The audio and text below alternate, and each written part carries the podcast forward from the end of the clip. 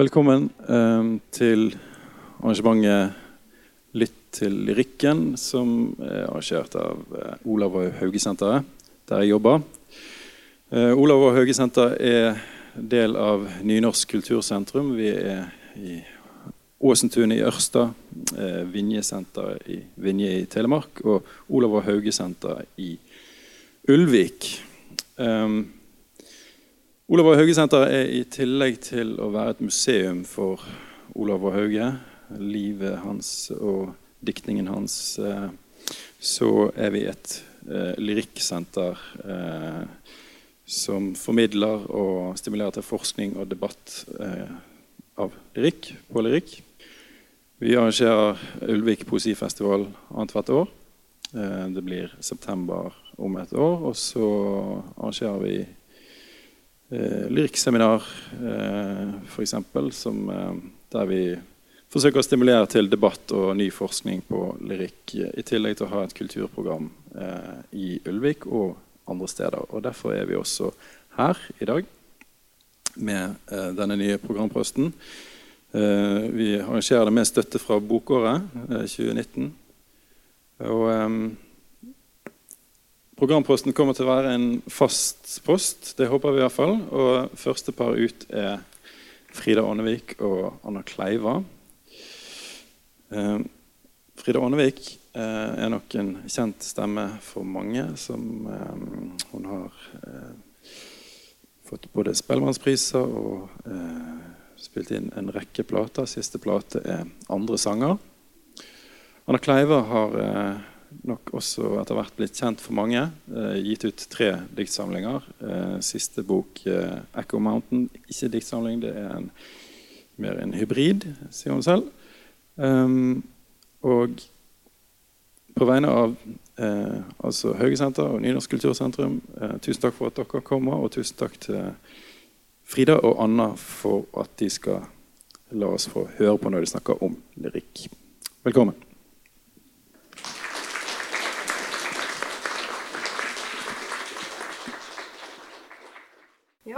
Er det, er det lyd? Tror det? Ja. Proft.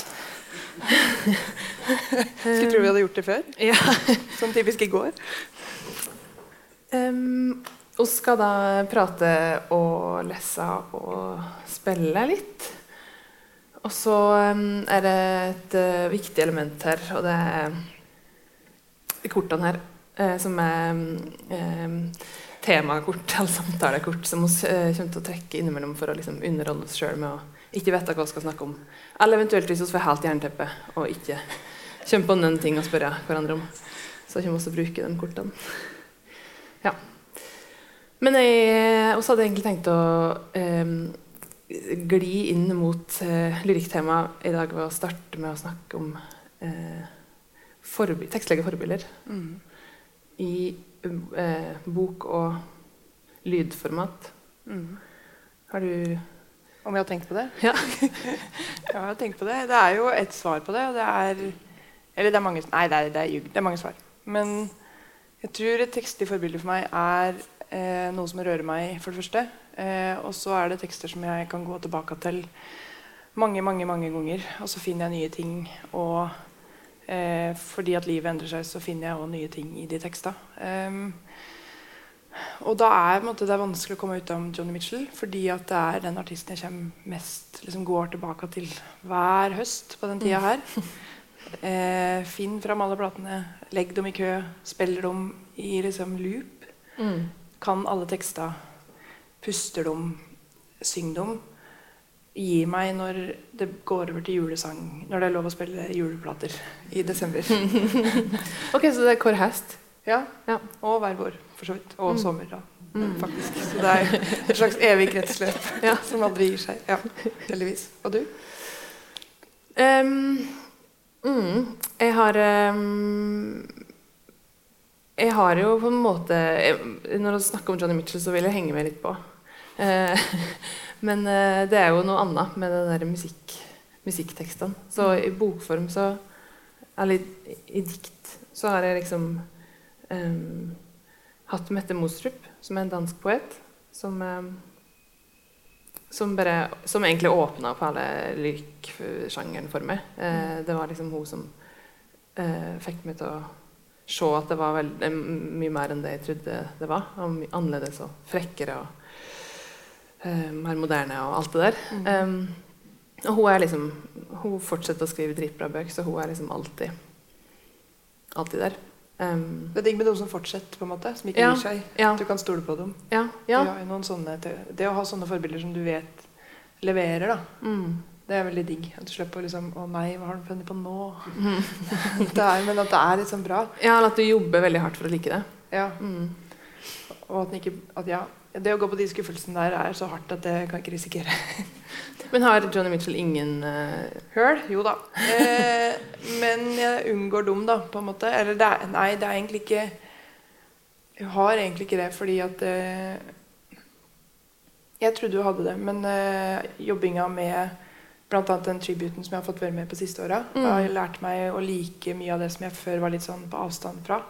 Og at eh, bl.a. Sondre Lerche sine favoritter har liksom eh, kommet over på meg. Jeg har adoptert dem, for jeg har måtte, lært å like dem og skjønt hva det er da, gjennom han. mm. At han har sunget det for meg, liksom.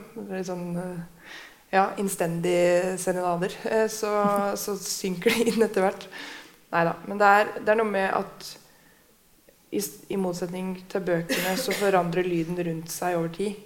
Mm. Og sjøl om Joni Mitchell var en av de få som kanskje klarte 90-tallet og 80-tallet på en ganske bra måte, tross alt, bortsett fra litt lefling med midi-gitar, så, så klarte han den overgangen ganske bra. Og det gjør at det er ikke noen sånne stygge, store høl. Mm. Men, er men har, har du liksom Tenker du at du kan bruke eh, lyrikk fra bøker som eller bruker du det, du det, bruker du det i din egen skriving? Har du det liksom som, Ja, er det på samme måte som sanglyrikk? Inspirasjonsmessig? Ja, det er egentlig det. Ja. Og at, eh, men at jeg nok um, Jeg må på en måte minne meg sjøl på at det må jeg lese. på en måte. Mm. Litt sånn som jeg oppdaga deg. At jeg må, måtte minne meg sjøl på at nå må du lese samtidslyrikere. eh, For da har du godt av å ta tran. Eh, no offense. E-tran. Du er tran.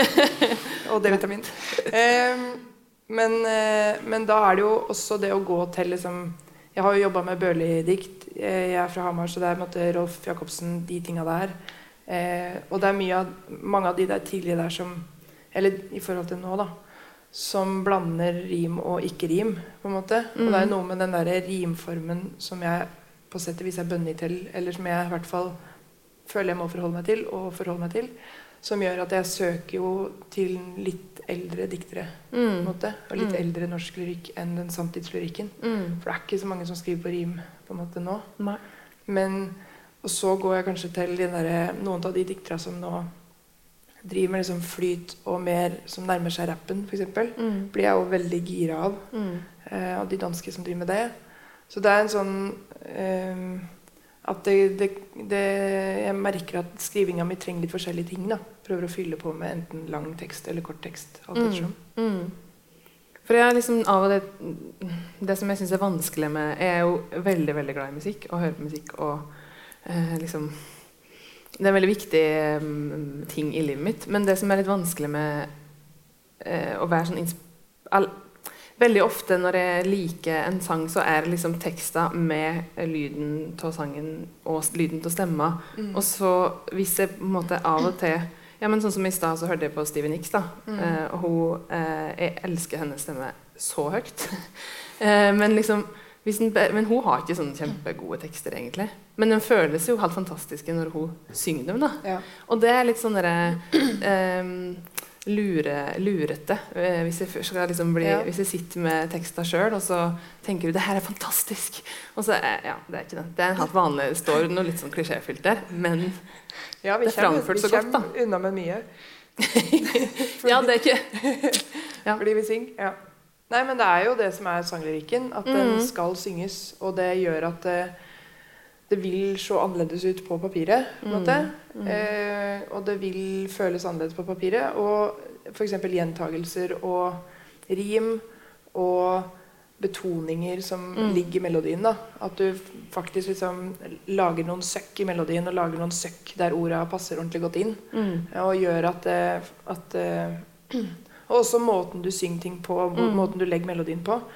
Eh, alt det spiller inn på en annen måte. da. Mm. Så det å måtte, ta fra en sangtekst, melodien og alt det rundt, og sette på papir er fint, men, men du mister et eller annet òg, da. Ja, for det er jo ikke Det er jo ikke det går, På en måte går det ikke helt an, Nei. tenker jeg. Og pauser og eh, Ja. Jeg merker jo at jeg dras mot eh, Av de jeg liksom lar meg gripe av nå, så er det Ingeborg Oktober, som er helt fantastisk. Du burde høre på hun. Eh, og Hanne Kolstø. Eh, Erlend Ropstad har hørt en del på i det siste. Eh, og jeg merker at jeg dras mot de andre sangere, eller andre som meg, som Jeg knoter jo veldig mye dialekten min, da, men som har dialekt. Mm. For jeg dras mot at folk har et egen, en egenart i språket sitt som gjør at det blir enda mer skrudd til. på en måte. Og at de har helt egne rimord og helt Mm. egne ting som rimer på si dialekt, som da høres fantastisk ut, men som ikke ville rimt hos meg. Ja. Eh, og Hanne Kolstø mener jeg er en av de mest kompakte, dy dyktigste sangskrivere vi har. Skriver nå på sunnmørsk. Eh, og gjør at bandet må kore på sykkelsk. Så Ja, det, er liksom, det er blitt helt nye krav til kore, korevirksomhet i, i norsk musikkbransje. Fordi, fordi hver, hver bygd har plutselig fått sin egen, e- egen sangpoet. Og du Nei, den skal ligge lenger opp der, den lyden. Så det er mye mer sånn spesifikk, og at folk tør å være spesifikke. Mm. Tør å bruke språket sitt. Det er ganske tøft. Mm. Mm. Men er det noen eh, sangtekster du måte kan bli inspirert av som poet? Mm. Men det er veldig ofte i Det er det er jo liksom i hop med lyden, da. Ja. Eh, men eh, Men eh, ja. Mm. Eh, Vi har en dragning til folkemusikken begge to, ja. kan jeg røpe. Mm. Eh, ja. Men jeg har også har jeg, også har jeg veldig sånn drag Altså jeg er veldig glad i hiphop òg, og det er jo um, eh, Der er det jo ikke minst sånn derre Altså framføringsmåte, da. Ja. Tekster, så klart. Men den derre energien og eh, breiale Ikke bare den breiale ordbruken, men liksom ja. eh, stemmebruken. ja. Eh, som jeg absolutt ikke gjør når jeg framfører sjøl. Liksom. Jeg vil ikke det, men, eh, men, men liksom, det er veldig uh, bra å høre på hvis en skal liksom ha ut det der. Da. Vokse ti centimeter utover her. Ja. Ja.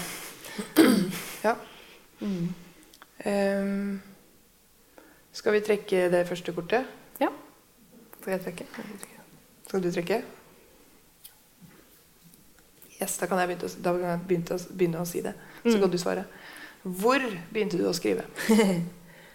um, på Vinstra, der jeg vokste opp. Ja. Ehm, sikkert eh, Nei, kanskje det egentlig er ljug, fordi at eh, den eh, første Det var tidlig ljug. Eh, Ja, Det var et kvarter uti. her begynner det. ja. Eh, um, den første historien jeg skrev, eh, den skrev jeg før jeg lærte å skrive, så den ble diktert til venninna til mor mi. Eh, og så illustrerte jeg med tegninger. da. Og det, Hun bodde i Oslo, så det kan godt hende at det faktisk var i Oslo Ja. At den ble skrevet. Veldig tidlig som ghostwriter-virksomhet. Ja. Ja, så Den tror jeg faktisk jeg skrev på dialekt. da. Hun, er, hun var jo fra, eller hun venninna til mamma er jo er fra Gudbrandsdalen, så jeg Ja. tror hun skrev det ned på dialekt. Mm. Så det, ja. Det Men var, etter hvert ble det Vinstra, liksom sånn Mm. egentlig. Ja. Eh, så jeg skrev jo veldig mye i oppveksten. Mm. Ehm, eh, og tenkte tidlig at jeg skulle liksom eh, Ja, hadde lyst til å skrive Det var liksom Jeg hadde vel en slags følelse at jeg klarte det, da, tror jeg. Men skulle du bli forfatter Ja, da? Ja. jeg, skulle, jeg har funnet noen sånne gamle dagbøk, skoledagbøker der det står at jeg vil bli forfatter eller um, uh, ha en lekebutikk. Og det var fordi at da kunne jeg leke med lekene mens jeg jobba. Eh, Logisk. Også, Ja. Eh, men, eh, men forfatter eh, Det har blitt stående, da. ja. Ja. det er, ja. Har du, men ble, var du en sånn som ble lest i klassa? Stiler, liksom? Ja, det ble lest stiligere i klassa, men jeg hadde òg en egen bokserie som jeg leste opp utenom på en måte når vi hadde skriveoppgaver. Okay. Ja, som var um, at Jeg hadde, jeg hadde laga en sånn serie som heter 'Grasenga', eh, som var da i sju bøker. Uh, og det var da om en liten musefamilie som bodde i graseng. Og så hadde jeg brukt det uh, fordi jeg hadde sånn teft, kommersiell teft som barn, og ikke som voksen. Så brukte jeg navnet på alle klassene klassen som navn på de musene. Eh, sånn at alle skulle være interessert i å høre sånn Og det er gøy at Runar, eh, lillebroren til Veronica, og dem er gift og Ja, ikke sant? Så det var, eh, det var liksom Jeg tror kan, kanskje at den første var svar på en slags sånn skriveoppgave. Ja. Og så etterpå så var det bare sånn stor suksess. Så jeg bare Ja, jeg har skrevet en ny! Vil dere høre? Um, så da la jeg opp alle Grasenga-bøkene uh, i klassa. Uoppfordra, vil jeg si. ja. Ja. ja. Nei, det er jo det er den balansen der som er vrien. Jeg skrev vel en ganske tidlig Jeg skrev jo på, på Ridabu da jeg vokste opp, og jeg skrev nok en veldig tidlig, veldig mild påskekrim. Som jeg litt frimodig gikk over på biblioteket og leverte. Eh, og tenkte at den kunne de jo eventuelt låne ut hvis noen var interessert. Eh, dere vet Hvis noen hadde ville synes det var litt skummelt med, med andre ting. Hva handla den om? Det var en kylling. Det var en måte i en sånn kommersiell teft. Det er påske. Vi Ja. må gjøre noe med det. Mm. Ja. Lære tidlig eh, sjanger og klisjeer og sånn. ja. Veldig tidlig. Kvitter oss med, eller kvitter oss med teften. Den Mm. kommersielle teften. Ja. Nei, men eh, Og så fortsetter jeg å skrive. Altså, sånn, for meg så er det liksom Ridabu, ja, da jeg vokste opp. Men jeg tror det, det året på folkehøyskole på Halsnøy med hav på nesten alle kanter og enerom, som var en veldig veldig viktig investering på folkehøyskole. Eh, hvis den skulle få være i fred. Men jeg hadde faktisk en sånn tanke om at jeg ville skrive der. Mm, Og at da, måtte jeg, da kunne jeg ikke ha en eller annen som slang inn og ut av det rommet. Men da visste du at det var sangtekst? da? Ja, det visste jeg at det var sangtekst. Ja. Det begynte jeg med på ungdomsskolen ish. Mm. Eh, og hadde ei venninne som var sånn pusha på. Mm. Så hun så noe noe av det og jeg øh, styra fælt med det. Men jeg kommer jo fra en skrivende familie, så jeg tror bare at jeg tenkte at det var, at det var forventa. Mm. At det å skrive er normalt. Så det, da må, på et eller annet tidspunkt så må han vel begynne med det, da. Få til det. så det, ja. Det er ikke sånn hos alle, har jeg skjønt etterpå. Nei. Nei. Nei. Um, hva, vil du dele noe av hva du hører på, eller hva du leser nå? Eller hva som står på planen? Ja, det er jo Mette Mostrups nye bok, da. Men, eh, Ja. Eh, og så, ja. så leser jeg en eh, science fiction fra California som jeg ikke vet om jeg liker så godt. Men jeg har, jeg Hvor langt ute i boka er du? Uh, En femtedel, kanskje. Oi, oi, oi. Ja. Ja. Men jeg har, jeg har hatt en sterk opplevelse en gang til å ha lest veldig langt i en veldig tjukk bok og ikke likt det, og så Ja. Snudde det. Eh, Det var 'Blond' av Joyce Car- Carol Oates.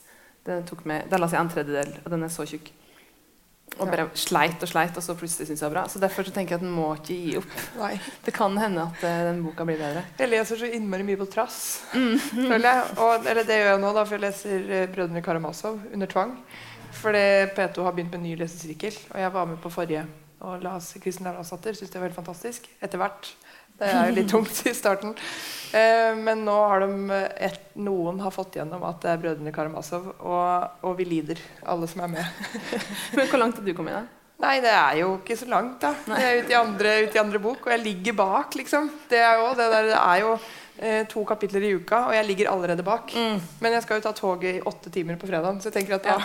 Uten meg. Så uten deg ja. ikke, ikke med i øret. Sjøl med liksom seks timer prokrastinering, så skal jeg klare å lese to kapitler. Ja. Den er jo i det minste enn forbrytelse og straff. Ja, det er på en måte en mager trøst. Mm. det er sikkert et eller annet unnskyld nek som klarer å bestemme seg for at vi skal lese den etterpå. Det er veldig fascinerende å gå og drømme om Falkberget, liksom. Eller Olav Duun. Håpe på det. Det er ikke normalt. Ja. Um, men hvor er du i prosessen din nå? Er du Skal du skrive, eller skal du gi ut, eller skal du Ja, nå har jeg jo akkurat da gjort ferdig ei gjendikting som er sendt i trykken, eh, tror jeg. Um, eh, og så eh, skal jeg lese, tror jeg. Faktisk. Det er det som er planen, da. Ja. Eh, for at jeg skrev eh, den boka her i fjor, og den er jo tjukkere enn alle de tre andre i hop.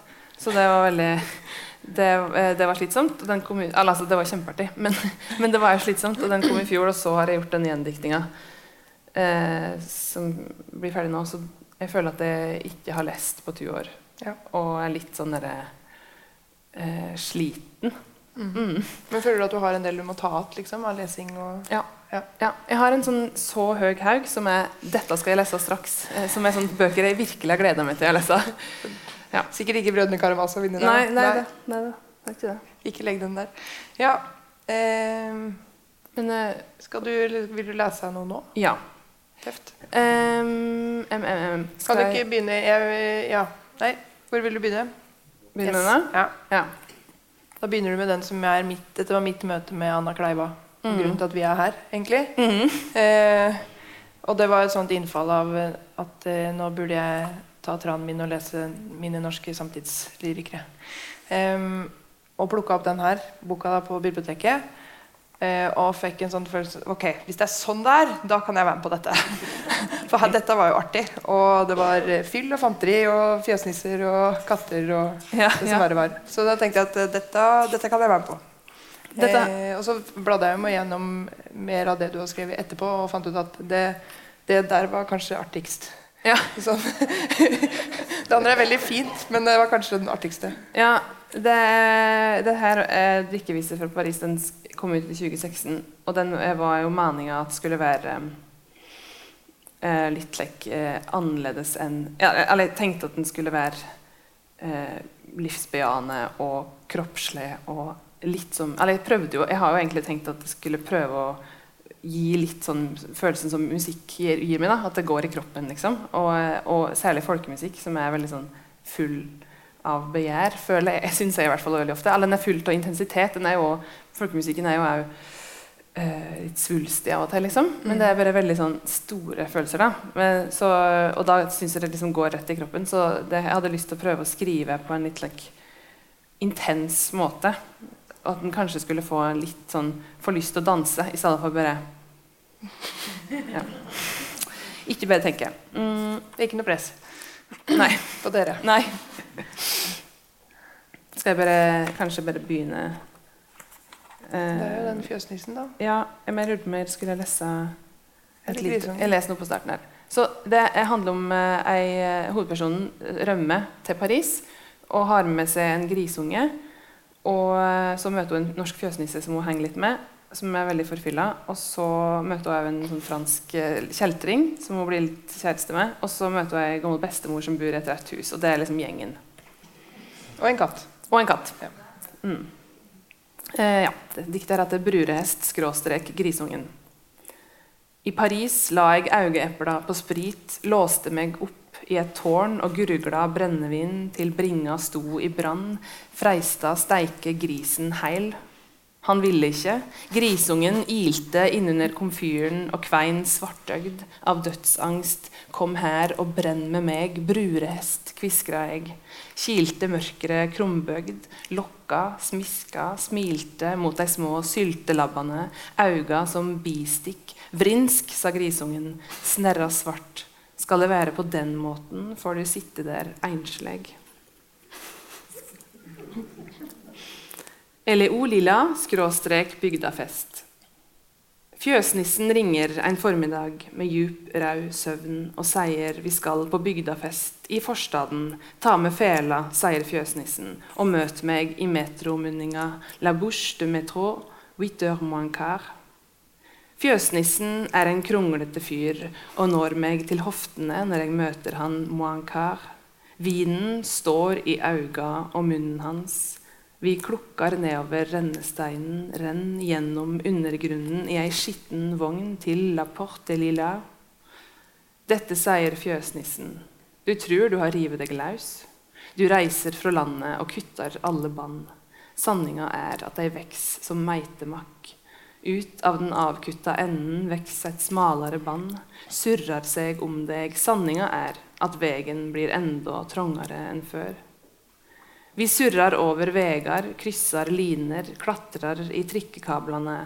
Jeg ber fjøsnissen spare livsfilosofien til seinere. Han er snirklete som ei hardingfele. Merd, sier jeg, hvor er denne festen, hvor er denne bygda, eller o lilla? Fjøsnissen er gjennomdrukken, renn snart utover, stamper og spinn og roper på lila. Hun roper attende, så det smell i veggene.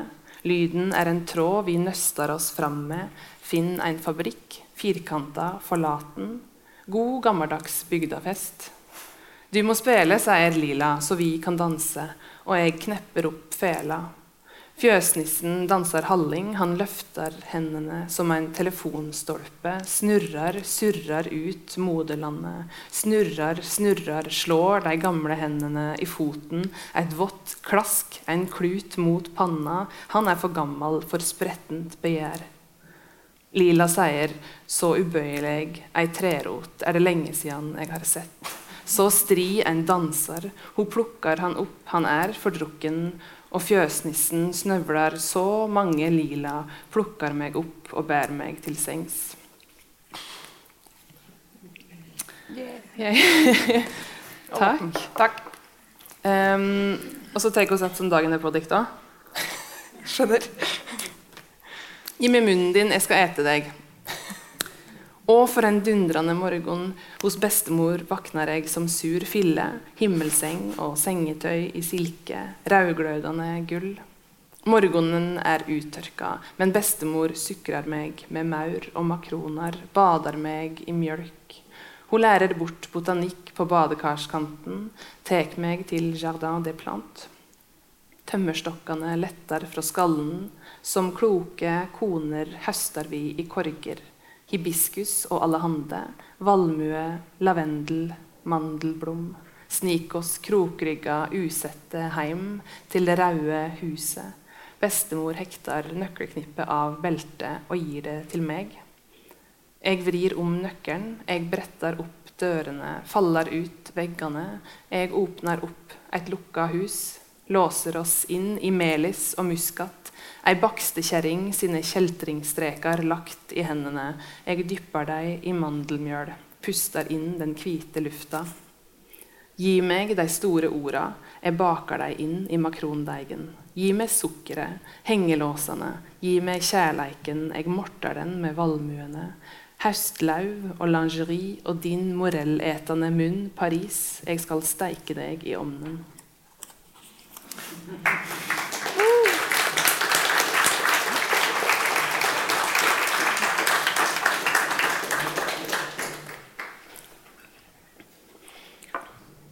Vil du lese mer? Eh, ja Kanskje du skal trekke et kort først? Ja. Oh! Tittel. Tittel. Ja. ja. Skal ok. du begynne? Ok. Eh, om jeg skal begynne? Ja. Du har jo akkurat begynt med en tittel. Eller ikke akkurat, men du har Ja. ikke hatt det alltid. Nei, det er sant. Jeg synes, eh, denne 'Drikkeviser' er den eneste diktsamlinga mi som har titler. Eh, jeg tror at jeg nå er det faktisk eh, Nå er det såpass lenge siden jeg skrev de andre bøkene at det står litt mer sånn uklart for meg hvorfor jeg hata titler så mye. Men jeg husker at det var veldig sånn eh, Jo, jeg tror nok det hadde noe med at jeg syns at det styrer tolkinga for meg med tittelen. Ja. Uh, mens, men i denne boka her så klarte jeg liksom å finne titler Siden den er liksom humoristisk, her, så kunne den ha liksom nesten sånn malapropo-titler. Og så kan du ha sånn som den 'Drikkevise fra Paris', som er veldig sånn derre generell, liksom. At den eh, Ja. Føler du at det, eller at det måtte være tittel tones ned? Eller at fordi det er samlebetegnelsen 'Drikkeviser fra Paris' er såpass Jeg tenker at den er Ja. såpass sterk. da Mm. At det, uansett hva slags titler du setter utover, så er det det, som, det er dette det er. Ja. ja, det kan godt hende, men jeg tror jeg hadde, jeg hadde titler Det første diktet jeg skrev, hadde, hadde tittel med en gang. Mm. Det var bare noe annet Jeg tror det er fordi den kan, være mer bombastisk. liksom Den skal være litt bombastisk. Og Ja. da gjør det ikke noe at den har tittel i caps lock. Men, eh, men før det var jeg veldig sånn at jeg syns det stengte Jeg lukka diktet litt å ha tittel, da. Jeg tror jo at du som poet slipper unna med det. Jeg tror ikke Ja. plateselskapet ville synes det var greit hvis jeg kom og sa sånn Hva hvis jeg bare gir ut ti låter, nummererer dem, og så gir vi ut singel nummer fire? Mm. Og Eller ikke nummer fire, da, åpenbart, for det, det er noen som heter, men vi gir ut eh, kanskje nummer to. Ja, pluss at jeg må innrømme at det blir litt, kan bli litt irritert sånn, uten tittel. Ja. Måleri. Ja. Ja. Ja. ja, for hvis du først ikke skal ha tittel, så kan du ikke skrive noen ting. Mm. Ja. Nei, men tittel er jo veldig eh, Det er ofte vrient. Eh, på den siste plata nå så var det, var det første gang at jeg liksom visste hva plata skulle hete. Ganske Ja. tidlig. Nettopp. Eh, og at det var veldig sånn fordi det var coverplate, fordi jeg kunne var helt sånn fri på det. Mm. Så det at den skulle hete andre sanger, var veldig sånn Det er bare noen andre sanger, så det er veldig enkelt. Mm. eh, Liksom den skal hete. Mm. Mens på de forrige platene, det å lete og det å på en måte Og også det som musiker at hvis du lar ei låt gi tittel til plata, Mm. så blir plutselig den låta liksom litt mer verdt enn de andre. Mm. Eh, så det er liksom det å prøve å samle noe som eh, Eller gi, gi noe som samler hele plata. Mm. På de to forrige så var det jo titla som nesten kom først. At jeg skrev under overskrift. Jeg lagde 'Her bor og flyger fra'. Altså tittelen albumet, eller Ja, bare sangene? albu albumtitla. Mm. Kom liksom at det var de overskriftene jeg skrev under. Eh, og, og det ga liksom Eller for meg så ga det prosjekt eh, Eller da, ga det en retning, da. Mm. Det var litt sånn Ok, da må jeg fylle den tittelen. Hva er det for noe? Mm. Eller i hvert fall at jeg så at veldig mye av de tinga jeg hadde skrevet, og skjeletta som lå eh, og ja, godgjorde seg i hjernen og på papiret, de, de, det var veldig tydelig hvilke av de to søsterplatene de hørte innunder. da. Mm. Ehm, og at det ble en sånn Ok, det er den plata. Og Mm. det er den plata. Um, men sangtitler er jo også sånn vrien, vrien øvelse. Mm. Det å gi ting tittel og det å bestemme at det er det den skal hete, er veldig sånn Men Ja. tenker du det? At det liksom kan styre tolkinga for meg? Ja. Dette er stress? Ja. Mm. Og andre ganger så er det Og så blir det så teit òg, for det blir sånn der, veldig bestemt at det må være. Sånn som den der parentesen i Spice Girls-låta, Ja. som Ja. da heter 'Det jeg vil ha fra deg'. Hvor jeg samme rett før plata skulle trykken kom på at den må jo hete 'Det jeg vil ha fra deg'. Dette kom jeg på liksom på båttur uti en øy altså, Det er langt unna. Og så bestemme seg for det og bli helt sånn oppspilt på, oppstilt på det. Mm. Og så sette himmel og jord i bevegelse og ringe plateselskap på ferie. Og så bare sånn bestemme seg for at sånn er det. Ja. Ja. Men det ble, jeg er veldig fornøyd med at det ble det. Ja, det, ja. Men det, var, ja, det er fascinerende, for det jo gir en helt annet, et helt annet inntrykk at 'fra deg' er i parentes. Ikke sant? For det er sånn Ja, det er implisitt. Neste gang jeg står i et sånt knip, skal jeg ringe deg. Ja. Og så kan du ringe de voksne og si, si det. Det er åpenbart. Det ja, det er helt åpenbart. Ja. Ja. Men samtidig så kan jo en tittel styre eh, Det å styre tolkninga eh, å styre konteksten er jo altså en mulighet. Mm. på en måte. Mm. Og, og det å bruke ord og vendinger som kanskje ikke Altså det å fange oppmerksomheten da, Mm. eh, ved å lage en, en låttittel som, som nettopp gjør det, Mm. er jo en god ting.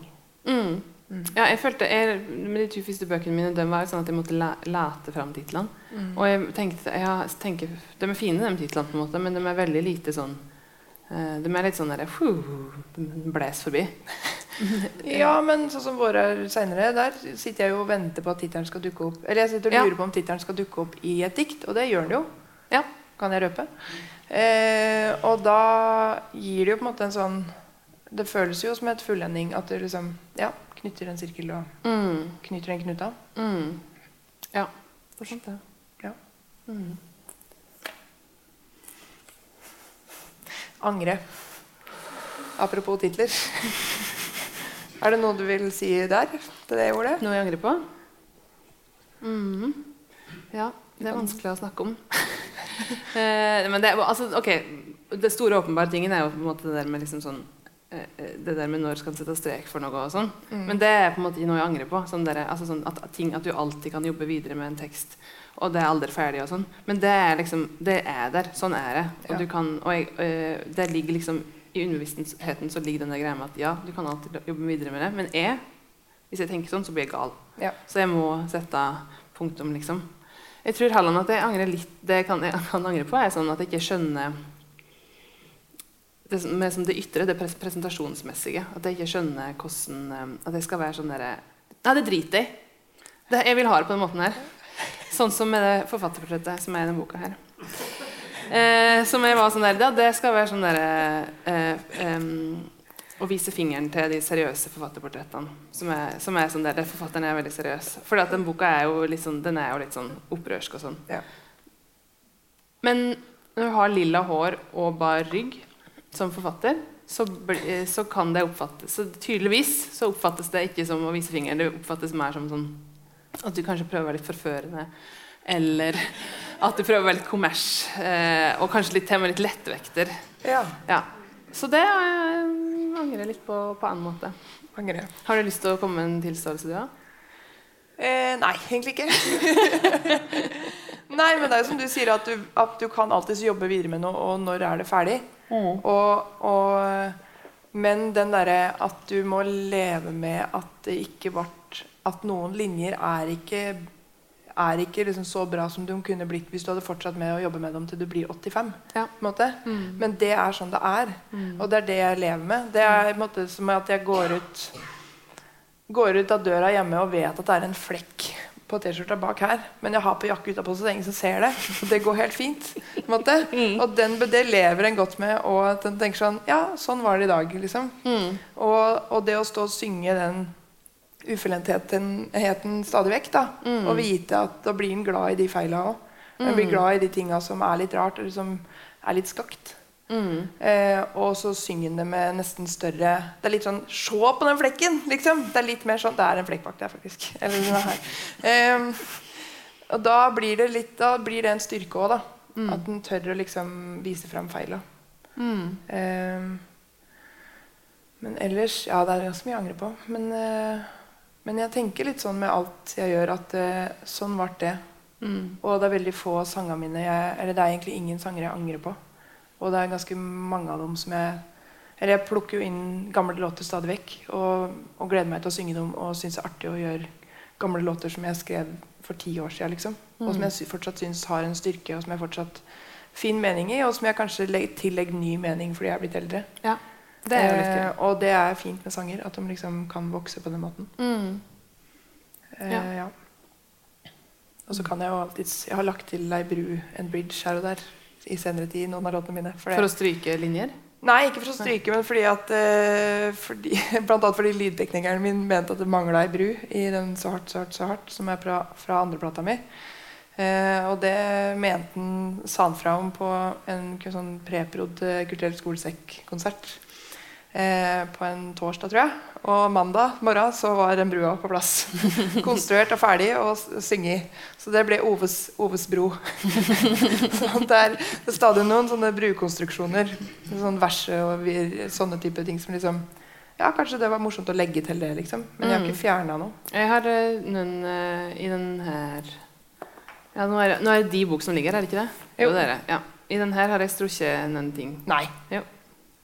Har du? Et, et dikt som jeg tror ikke er slutten på. Men, men, men også, altså, i nye i, Fordi at det kommer flere opplag? Nei da, det kommer ikke flere Å opplag. nei, sånn, ja. Jeg har bare ett opplag. ja, men du har strøket det I før det kommer? Og i det ega Sånn at jeg aldri leste det diktet her. Her har jeg strukket de to siste linjene. For se. Skal jeg lese det? Ja. Ja. Men leser du med de to siste linjene, da? Nei. Eller får vi aldri vite det? Skal aldri vite det. Oh. Ok. Dette her er den andre boka mi. da. Ja. Eh, den heter 'Vårar seinere'. Og den er litt mer sånn eh, eh, tung enn den drikkeviser. De vil bort ifra jorda alle. De gravlagde vifter med tærne, skubbar molla oppover, gjør ho meir luftig. Lufta meir mollete. Lufta full av insekt, myldrar mørk av insekt, kvimer, jordkveks, bille, maur, fluge, flygemaur, meitemark. De vil opp i svimeslått sol. De vil bort ifra jorda alle spredt, skalar av seg molla, tek til vengene. De gravlagde spredt, fyller lufta mørk, fyller lufta grønn.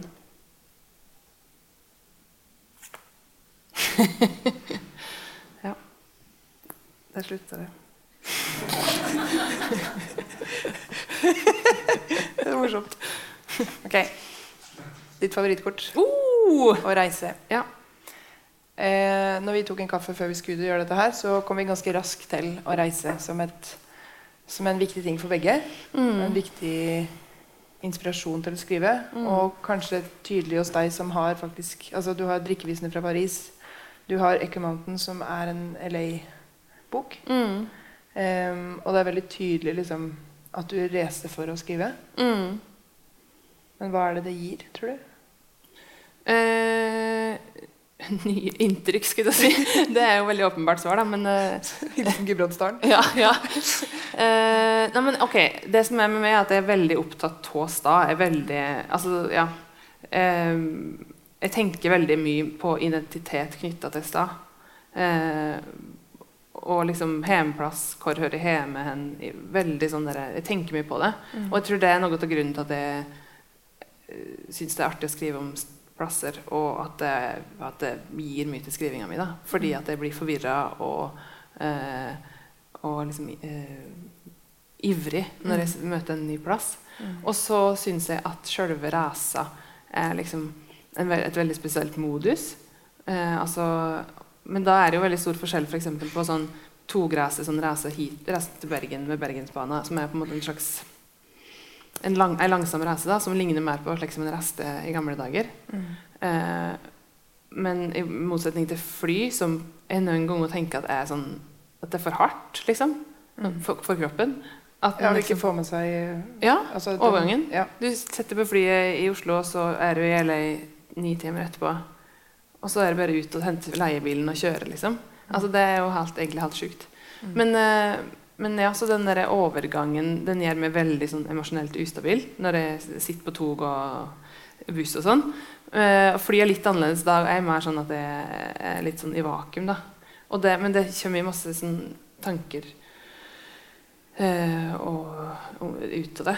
Og så og så er det der med Så jeg på en måte tenker på det så mye i forhold til identitet. Og så er det synes det er veldig gøy å sånn, grave i plasser og i byers historie. Det er veldig artig. Så ja liksom Bygge historier på den måten. Men ja. Ja. Eh, ja og så er det jo liksom ja, Komme bort fra de vante eh, tingene, da. Sånn ikke være der klesvasken er, men Ved en annen klesvask. ja, det, sånt er klesvasken er alltid med. Men eh, ja. Ja. Mm. Ikke støvsuge. Mm. Det er ganske rart at eh, Eller jeg dro jo til Ul Ulvik på lørdag. Jeg tok banen, eller tok Bergsbanen. Eh, kom fram om kvelden. Hadde hele søndagen og litt av mandagen før du kom. Og jeg rekker å bli ganske sånn eh, krafsete i huet før det. Det er en helt sånn Det gir en inspirasjon og en sånn skrivetrang som er helt eh, absurd Og flytte på seg. å flytte på seg. Mm. Eh, og kanskje særlig fordi jeg kom rett fra spillejobb kom igjen på natta. For å si sånn, Jeg var på Espa og kjøpte boller klokka kvart over ett natt til lørdag. liksom. Sånn at det, det var en litt sånn hektisk. Og det å forflytte seg så raskt fra noe til noe annet, og også fra liksom masse adrenalin og nervøsitet og cellokvartett og all angst i verden til Bergensbanen helt alene. Sammen med noen litt ivrige tyske turister. som det jo Og en, eller annen, en og annen japaner som vil lene seg over deg. Ehm, så det er liksom den der å gå fra veldig veldig mye sosialt og ekstrovert og mange til å gå til å være helt aleine og reise og ikke ha noen å fortelle noe til. Mm. Eh, og være på en plass som er eh, Jeg har vært i Ulvik før, men, men liksom det å bare finne ut hvor jeg skal gå og gjøre det og gjøre, være meg sjøl, liksom. Mm. Det er ganske sånn Jeg har skrevet veldig veldig mye siste dagen Jeg blir helt sånn utrolig sliten i, i hjernen av det. Mm. Men òg veldig sånn gira fordi jeg faktisk Det ser ut til at jeg fortsatt kan skrive, da. og det har jeg vært i tvil Eller det er jeg Ja. alltid i tvil om etter ei plate. Så det er jo litt deilig å Og både det at jeg er i stand til å få ideer, og i stand til å gjenkjenne en idé når den kommer, og i stand til å skrive den ned og tenke hm, dette er faktisk eh, Dette kan bli en sang. Mm. Eller det kommer et helt refreng, eller det kommer første linja i et vers.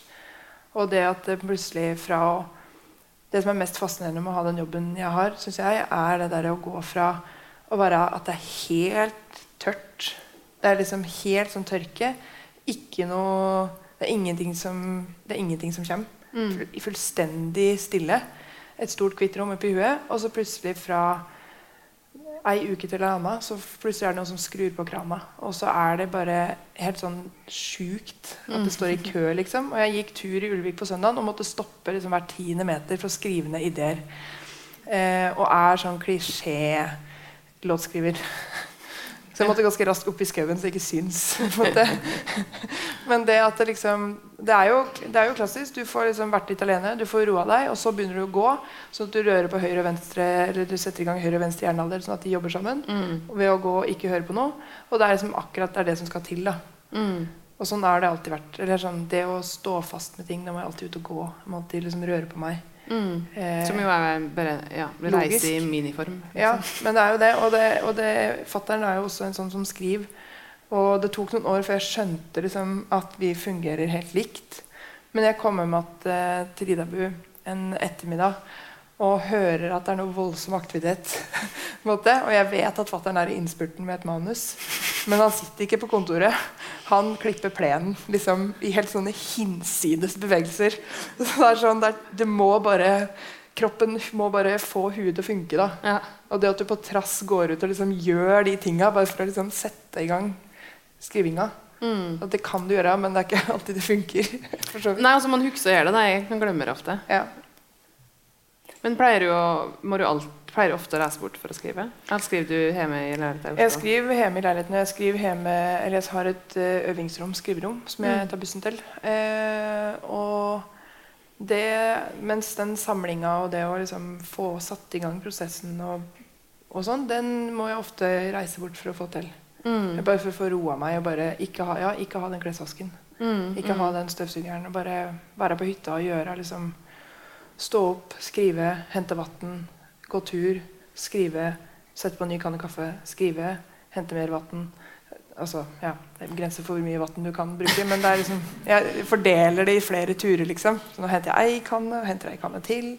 Um, så jeg tror uh, Mens når ting liksom er i gang, så reiser jeg til øvingsrommet mitt på Lilleaker i Oslo. Og så setter jeg meg ved flygelet og setter på dårlig kaffe og begynner, liksom. Jobber, Men- jobber fra ni til fire. Hvor lenge skriver du tekstlig før du begynner å lage musikk til? Egentlig så skriver jeg tekster veldig lenge før jeg lager musikk til. Ja. Men fordi at jeg nå skal lage en ny plate, og fordi at jeg alltid har endra prosessen min fra plate til plate, så må jeg gjøre det nå for å ikke stivne. Så det gruer jeg meg veldig til. Fordi nå har jeg tenkt at jeg skal prøve å skrive Ikke skrive ut tekstlige ideer. Og ikke lage teksten på forhånd. Sånn og laga. Og laga musikk til. Ja. Men å gå liksom rett og lage det liksom direkte. Mm.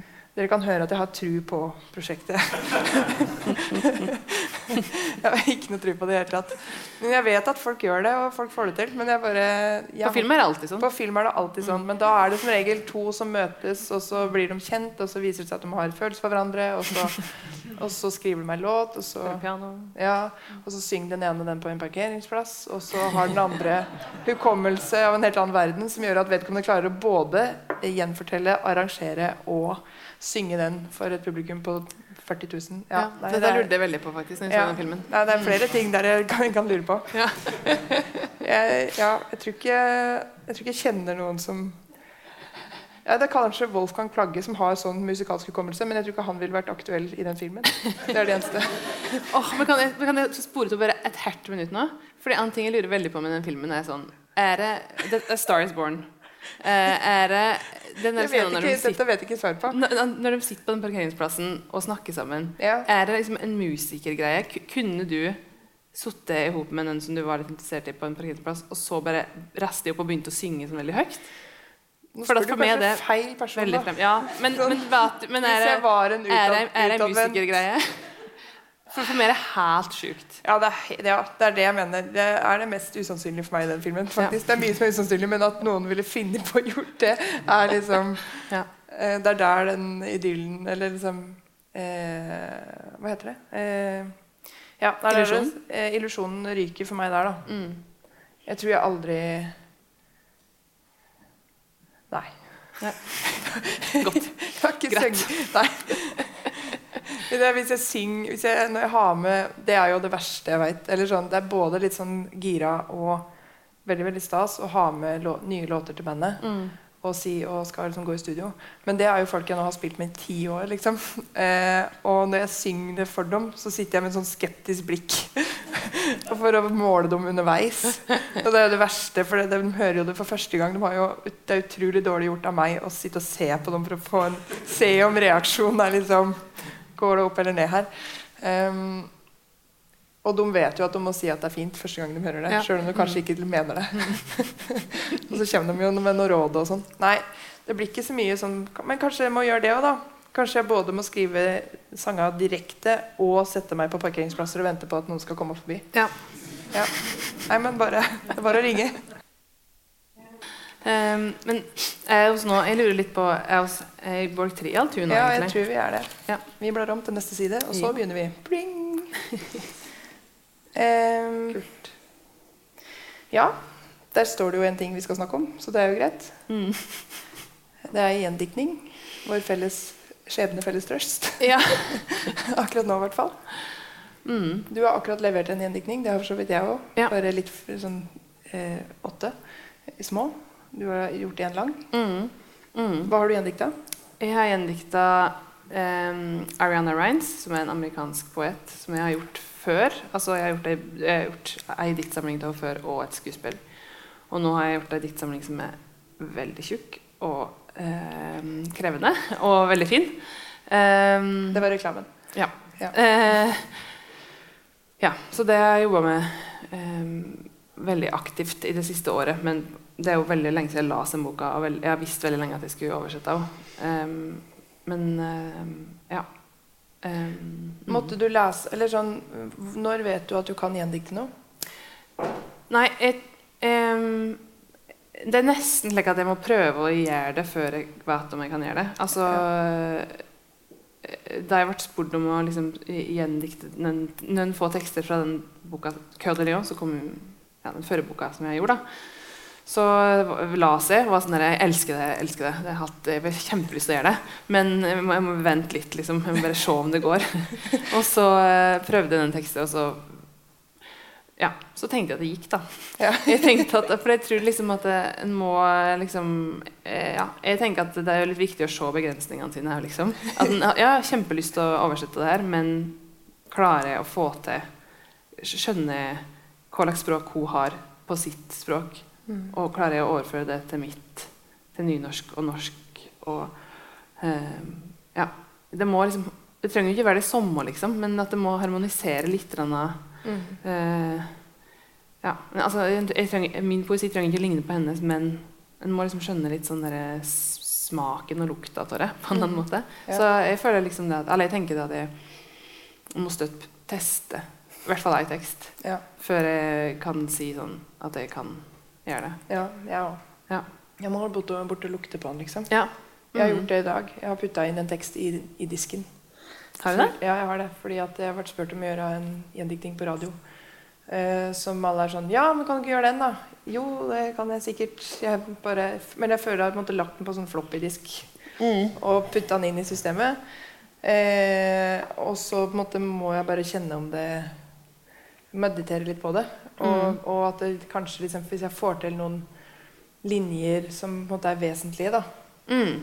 Og også at jeg klarer å på en måte være stemninga. Ja, det det. Meditere og være i den stemninga som teksten er. Mm. Så kan jeg kjenne at jeg kan skrive den ut at, liksom. Mm. Og da er det, da er det litt sånn Det føles som at, liksom, at det er en litt sånn kronglete printer som, som, skal skrive det ut igjen. Um, og, og, sånn var det med egentlig alle tekster på, som jeg har gjendikta på den andre sangerplata. At jeg måtte teste dem. Mm. på en måte mm. og, og jeg har jobba med mange flere enn de som er der. Eh, og de som ikke er med, er jo sånn Det er bare at jeg kanskje Jeg fikk det jo til, men kanskje det ikke passa på plata. Eller kanskje liksom, ja, litt forskjellige grunner. da mm. Som ikke er med. Så, men det er jo en Det å gjendikte er virkelig en sånn øvelse som jeg har gjort fordi jeg har funnet ut at jeg digger å gjøre det. Mm. Virkelig elsker å gjøre det. Syns det er så stas. Og også fordi at jeg vil Jeg har brukt det som en sånn Jeg vil bli bedre til å skrive. Ja. Og jeg vil eh, jeg vil utvide mitt eget språk. Mm. Så ved å gjendikte så kan jeg låne noen andres. Mm. Mm. Og det er, sånn, det er, utrolig frigjørende. Fordi det er på en måte meg, men det er ikke helt meg. Det er noen mm. andre òg. Mm. Og jeg får tilgang til språk og vendinger som jeg ikke ville brukt sjøl. Eller som jeg kanskje nå vil bruke sjøl, men som jeg ikke hadde før. Mm. Så det å gå i gang med egen plate og egne tekster nå etter den runden her. Jeg føler som at jeg har tatt 30 studiepoeng i gjendiktning, livet og kjærligheten. Mm. en. Og at det kanskje gjør meg bedre rusta til neste, neste plate. da. Men er det det som gjør at du syns det er så stas å gjøre det? At du kan gå inn i den andre, men samtidig ha din egen stemme? Altså sånn, at Det er blandinga? Ja, jeg tror det er blandinga. Og også det derre ekstreme mestringsfølelsen når du får det til å Ja. gå opp. Mm. Når du knekker koden på en tekst, liksom. Og jeg har hatt flere sånne øyeblikk hvor jeg bare sånn Yes! Eh, og jeg har for første gang klart å skrive på retur. på en måte. Jeg har sittet i baksetet i turnébilen og skrevet liksom på mobilen. På Mm. notatblokk der. Eh, noe som er på en måte en ganske artig måte å skrive tekst på. Fordi den er jo med overalt. Mm. Og fordi at eh, det er på en måte så lettvint. Det er ikke poesi, det er bare ei handleliste. på en måte. Eller jeg får litt sånn følelse at jeg klarer å nedskalere. Mens med blokk og sånn, så blir jeg litt mer sånn Kroksleiv Nei, han derre dikteren i Flåklypa. jeg blir litt sånn Brorskjellmamoen, er det det han heter? Ja. For briller, liksom. Så jeg tror den derre at det føles veldig sånn eh, tilgjengelig, da. Men har du prøvd å Har, har du bare gjort du, har du prøvd å skrive med, med penn? PC? Nei, har, du, har du prøvd eh, Har du bare gjort gjendiktninger på telefonen? Eller har Nei, du prøvd jeg har gjort ikke det. Jeg har gjort, uh, gjort begge deler. Ja. Men mine tekster på telefon, mener du? ja. Ja, det er det. Nå har jeg plutselig begynt å skrive mye mer på telefon.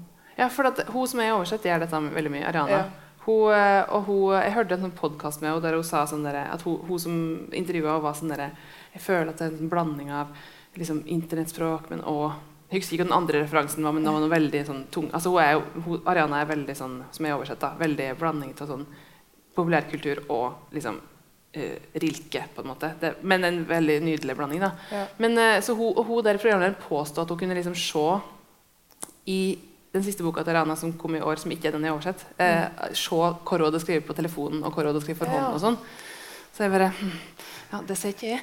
Eh, men jeg Kanskje men, det er lengden på tekstene, da. For det, hvis du har sånn eh, iPhone X som jeg har, så er, er ikke skjermen så veldig stor. det er sant. Så det, er, det blir ikke sånne lange linjer. Fordi jeg får ikke til det der i det hele tatt å skrive på telefonen. Jeg vil ikke ha Jeg blir skikkelig sur av Jeg er ikke så glad i telefonen min. Nei, jeg er jo ikke det heller, men jeg er bare blitt mer glad i den nå som jeg har skjønt at jeg kan skrive på den. Ja. Eller det, og det, det burde jeg jo skjønt før. Men, Men jeg jeg bare, føler liksom at, at når jeg skriver på telefonen, så jeg liksom ser Facebook på, f.eks. ja, ja, jeg får opp en del rare søk, ja. Nå som jeg skriver mye rart i notatblokka. Bare mye rart i feeden. Nei, men øh, eh, Det som er fascinerende, er på en måte hierarkiet. At jeg tenker at det er ikke bra nok. Ja. At det er, liksom, det, er det jeg skriver der. Det er liksom sanking eh, og sånt. Men det er ikke, det er ikke den ordentlige skrivinga. eh, På en måte. Men med gjendiktningene så ble det plutselig det. Det ble plutselig den ordentlige skrivinga. Plutselig så lå ikke den, den versjonen av eh, det gjen- de gjendikta jeg har tenkt meg om, det Astrid S som synger, så lå ikke den siste versjonen den lå ikke på Mac-en eller på papir. Den lå, den lå på mobilen, liksom. I notater. Mm. Rett ved sida av handlelista. på en måte. Eller det er sånn, og den dagligdagse tingen der syns jeg den har noe ved seg. Mm. Ja, den har det. Og jeg har prøvd skulle- å laste ned sånn der notatblokk-app for at det liksom skal se litt finere ut, men jeg, har forhjemmet at jeg orker ikke å bruke det. Mm. Jeg må ha, Mm. jeg må ha det andre. Ja. Mm. Jeg må huske å ta backup. Ja. Men hva ehm, Hva Du er jo jeg, Når jeg gjendikter, f.eks. holder på kontekst, amerikansk kontekst Ja. for boka, mens du er mer på den at du flytter det Ja. til Norge. Ja. Men hvor mye liksom eh, Hvor mye Kan jeg gjøre det? Ja, og litt sånn derre Tenker du at du At du liksom gjør det til Frida sin Hvor mye av det er liksom Ja. Jeg tror ikke jeg tenker at jeg er Eller jeg er jo der, Mm. på en måte. Ehm, det er jo artig å være tilbake til det rommet her, fordi jeg gjorde den første gjendiktninga av Geneseen sin At 17 i det Ja. rommet her. Og det var noen av dere som var her òg. Det nikkes. Ja, det er som en fylleangst. Ja, men det var koselig. Eh, eh, men det, og det er jo ganske mange år siden. Men, og den er jo eh, At 17 har jo både high school-kultur Den har det amerikanske i det, på en måte. Eh, beauty queens. Eh, den har liksom det landskapet, da. Og, et, og det går an å overføre til Norge. på en måte. Vi har jo vi har, altså, vi hadde Mona Gruth. Altså, sånn, vi, har jo, vi har jo det, vi òg. Eh, men eh, Vi har flere enn hun, da. Men eh, vi har Instagram, vi har all den sammenligningsgreia. Mm. Men jeg bare Jeg tror at jeg vil liksom At jeg måtte gjøre det enda Jeg har lest en del om låta, og lest en del åssen den ble til. Og, og hvordan eh, hun har, har sett mye av åssen hun synger den. Mm. på en måte. Ja. At det òg en del som bærer inn i det. Mm. Eh, og når jeg liksom Åssen kan jeg si det her, på en måte, sånn at det gjør like vondt som jeg mener at det gjør på hennes språk? da. Åssen kan jeg treffe på samme måte med det norske språket? Mm. Det var egentlig det jeg liksom Og for hver, den, den første gjendiktninga jeg gjorde her, som ingen må fortelle om at det har skjedd, for det var egentlig ikke lov eh, For jeg ville bare teste om det gikk. Eh, den var ganske langt unna. Jeg føler at jeg klarte å skru det til etter det. Og at jeg klarte å komme nærmere og At jeg ville liksom gå virkelig i prat med teksten. da Mm. Snakke med den og snakke med hva er hva er, hva er så vondt som på en måte, og så personlig og så 17 år da, som det er i teksten? Og hvordan kjennes det i kroppen min? På Mm. Så jeg er der. Kroppen min er der. Men det kanskje er litt fordi at du må tenke formidling med en gang, mens, teksten, Ja, mens tekst er tekst. på en måte. Jeg skal jo framføre det av og til, men ja men jeg tenker ikke formidling når jeg skriver en tekst. Nei. Jeg tenker, eh, jeg du skal tenker stå der som kropp og synge. Ja, jeg skal stå som, men det problemet kommer senere. måte. Det, det er med alle platene mine. Ja. At jeg tenker først når jeg har laga den, at dette blir fryktelig ubehagelig å synge. Men, eh, men det er litt sånn på'n igjen. Ja. Og det er greit, da, tenker Mm. jeg. For det, det er veldig sånn um, Og jeg gjør det i mange Det å stå og synge mange av de tekstene mine kan liksom være ubehagelig nok. Å stå og synge dem på kulturell skolesekk for niendeklassinger er på en måte det mest, verste jeg kan gjøre. Mm. Og, og det kan jeg godt gjøre, liksom. Mm. Ehm, for det er spennende, og selv om jeg blir litt sliten etterpå. Men, men jeg tror at det å flytte en tekst sånn som jeg har gjort med 17 Jeg har flytta den geografisk hit og tatt på en måte ungdomsskole, norsk ungdomsskole, eh, videregående-aktig eh, stemning. Jeg har brukt Schybert som en referanse Mm. fordi eh, Ikke meninga å ødelegge teksten for dere eh, ved å plukke den fra hverandre på den måten, men, men fordi at det liksom Det peker på noe barndoms, barndomsting, da. Mm. Noe sårt. Um, og, det er en, og det er en sånn figur som er lett å se for seg. Mm. Og, og det har måte gjort når jeg skal synge det og formidle det, at jeg, jeg ser for meg Skybert inni huet hver gang. Men, eh, men eh, ja. Så det er en sånn Det er en oppveiing. Det er det. Mm. Mm. Men jeg tror, jeg tror jo på en måte både i tekstene mine generelt og i gjendiktninger så tror jeg på tekstens indre logikk. på en måte. At en tekst mm, er log logisk i seg sjøl og henger på greip og er på en måte som mauren til Inger Hagerup. Mm. At den ikke er større enn seg sjøl, kanskje. Um, så det er liksom det Og den følelsen er veldig tydelig i kroppen når en tekst sitter der. da. Mm. Ja. Men får du noen gang lyst til å liksom ta eh, start, Starte med gjendikting og så bare lage en egen fortsettelse? Altså, Nei, det er jo faren, da. Ja. Det, da, kan, da kan du komme ut på den galeien hvor Håkan Hellstrøm sitter og ror. Så det er jo flere som er der. ja. Eh, han er jo han er beskyldt for det. Okay. Ja. Og at han har rappa en del. Og det har vi jo alle. Men, Ja. men han har kanskje gjort det tydeligere enn andre. Um, jeg elsker Håkan Hellstrøm, så det skal ikke stå på det. Men jeg har ikke det, altså. Ikke ennå. Mm. Men vi kan jo plutselig ramle utpå her, da. Snart.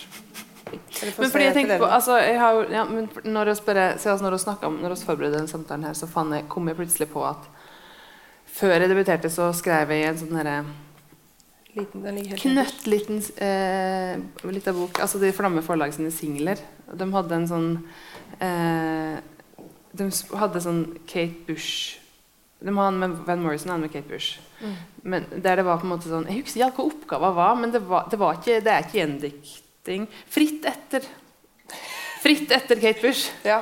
Det liksom, men det var utrolig artig. da Ja. det, Men det er en annen oppgave. Det, er- det er helt annen kontekst. Ja. Jeg hadde aldri vært så, tatt meg så store friheter hvis, det var, hvis jeg skulle gjendikte. liksom Nei. Men, øh, men eh, men det er også veldig, altså det er en fin måte å skrive på. Jeg vet Ja. ikke helt hvordan det forholder seg til rettigheter, og sånn, men, eh, men det, det er sikkert greit. Det er jo gitt ut.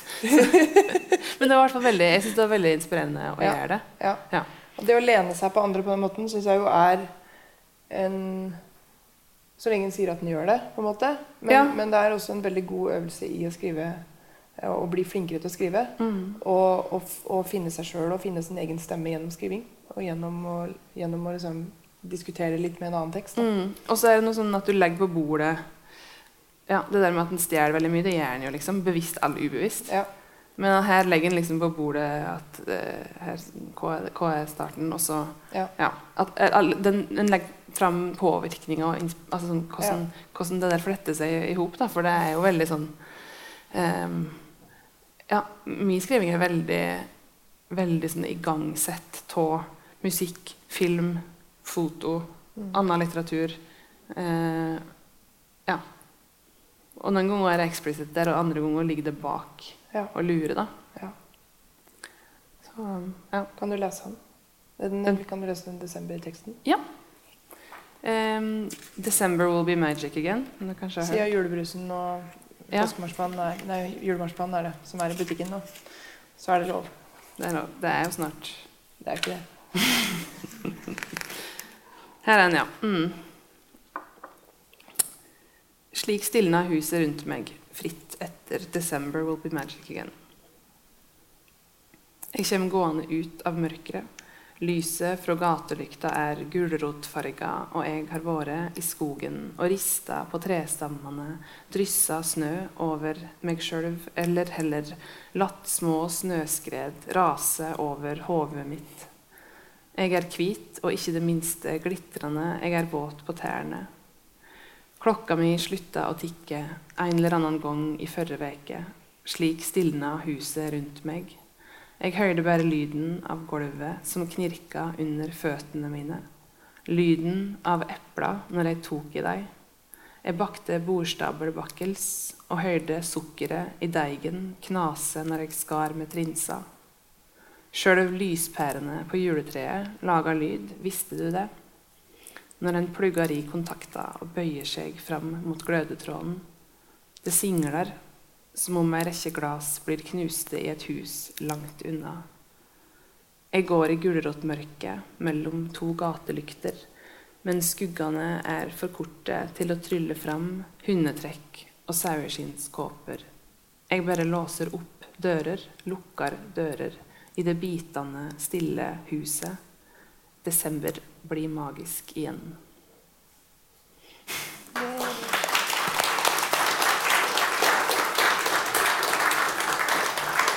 Ja, De hund hundesledene kommer fra Kate Bush, Følte du for å liksom si fra hva som kom fra hva nå? Ja, nei, det var bare, det var, det var, jeg kjen- kjente veldig tydelig at det hundesledet var litt fremmed for meg akkurat nå. Altså sånn, Å bruke i tekst. Det hadde ikke jeg kommet på. Skjønner. Um, vi skal tenke på snart runde av. Mm. Jeg bare ønsker meg litt at du leser noe fra eh, DTB, altså den tjukke boka, Ja. eh, Ek Mountain, som jeg må si har inspirert meg veldig når jeg har lest den nå, når jeg skal møte deg. Og du har et sånt språk som får, får hjernen min til å kile virkelig. Som jeg blir helt sånn av. Men særlig den der om penger syns jeg er eh, enten penger eller natur, tenker jeg. ja. Det er sikkert lettere, lettest å finne noe plass å lese i penger. Eh, tipper jeg. Eh, dette er en bok med veldig mange forskjellige tekster som alle eh, bruke LA som utgangspunkt for å utforske tema og tenke om ting. Og utforske em, identitet og ja, alt mulig. Masse forskjellig. Um, den teksten her hadde da 'Penger', eh, men jeg tror at jeg ikke skal lese starten, for den, litt, eh, den, liksom, den blir liksom drøyere etter kort, så derfor så hopper jeg litt uti. Men premisset er på en måte at eh, hovedpersonen får penger og pønsker, tenker på hvor mye penger er verdt, og hva det går an å skaffe seg hvis en har mye penger, og eh, hva folk bruker penger på når de har mye penger. Um, ikke sant. Hva vil jeg ha, spurte jeg. Det er mange ting jeg vil ha, små ting som stiller seg opp på rad og rekke og ikke betyr noe. Tenk større, sa jeg, og jeg tenkte på større investeringer jeg kunne ha lyst til å gjøre. Men jeg begynte å lure på om jeg skulle bruke opp alle pengene eller bare en del av dem. Jeg begynte å lure på om jeg skulle bruke pengene på ting eller oppleving. Penger er både fysiske og abstrakte. Kanskje skulle jeg ta pengene ut av banken, ta på dem. Jeg klarer ikke engang forestille meg hva folk faktisk bruker penger på i denne byen, de som har mye av dem. Jeg ser for meg at noen kjøper hus, bostader, hotell, tomter. At noen kjøper hele landområdet og gjør dem om til noe som kan bli solgt til høyere pris. Det var det de første rikmennene i denne byen gjorde. De kjøpte land og gjorde seg feite på det. At noen kjøper biler, at noen kjøper ei stor livsforsikring, at noen kjøper kjoler, smykker, klokker, sigarer, årgangsvin, antikviteter. At noen kjøper bedrifter, kunst, ville dyr, at noen kjøper meet and greet med Bieber, at noen kjøper timer hos eksklusiv coach, massør, yogainstruktør, en time i en tank med saltvann, at noen kjøper ei som kan piske deg. Penger er både fysiske og abstrakte. Jeg tenkte på smykket. Jeg tenkte på et par av de enkle, overprisa øredobbene jeg har sett på så ofte. En strek av gull gjennom øret. Jeg tenkte på håret mitt, at det er flisete i tuppene, og at krøllene er tørre. Jeg kunne få en dyr frisør til å gjøre noe ekstravagant med det. Men så begynte jeg å tenke på hua mi og tennene mine og kroppen min. Når du har penger og begynner å tenke på kroppen, er det som å kjøre kjelke på isen. Du kan ikke styre og er straks på bunnen. Slik er denne byen, dette årstallet. Pengene legger seg i kroppen som glød, som fylde, som oppoverdrift. Ei slette av fysiske, uforanderlige penger. Kroppen råtner og blir til jord og vokser opp igjen, ny og sterk i haugen av penger. Men her var jeg allerede kommet skakt av gårde. Ser de det? Her hadde jeg allerede sett sjakta, kjent suget. Her løfta jeg til sides alle steiner på leiting etter kaninhull, ekstraordinære ideer. Jeg tenkte på dop, et ekstraordinært dop, førsteklasses. Dop pluss penger, alle veit det. Men dop er ikke helt som biler. Jeg visste ikke hva jeg burde kjøpe, om kokain fremdeles lukta penger, eller om det fantes mer obskure dop jeg burde velge. Hvordan kunne jeg nyte å ta det inn i kroppen om jeg ikke visste at det gjorde kroppen eksklusiv? Stoppe der?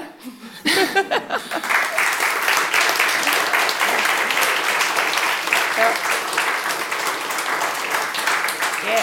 Mm.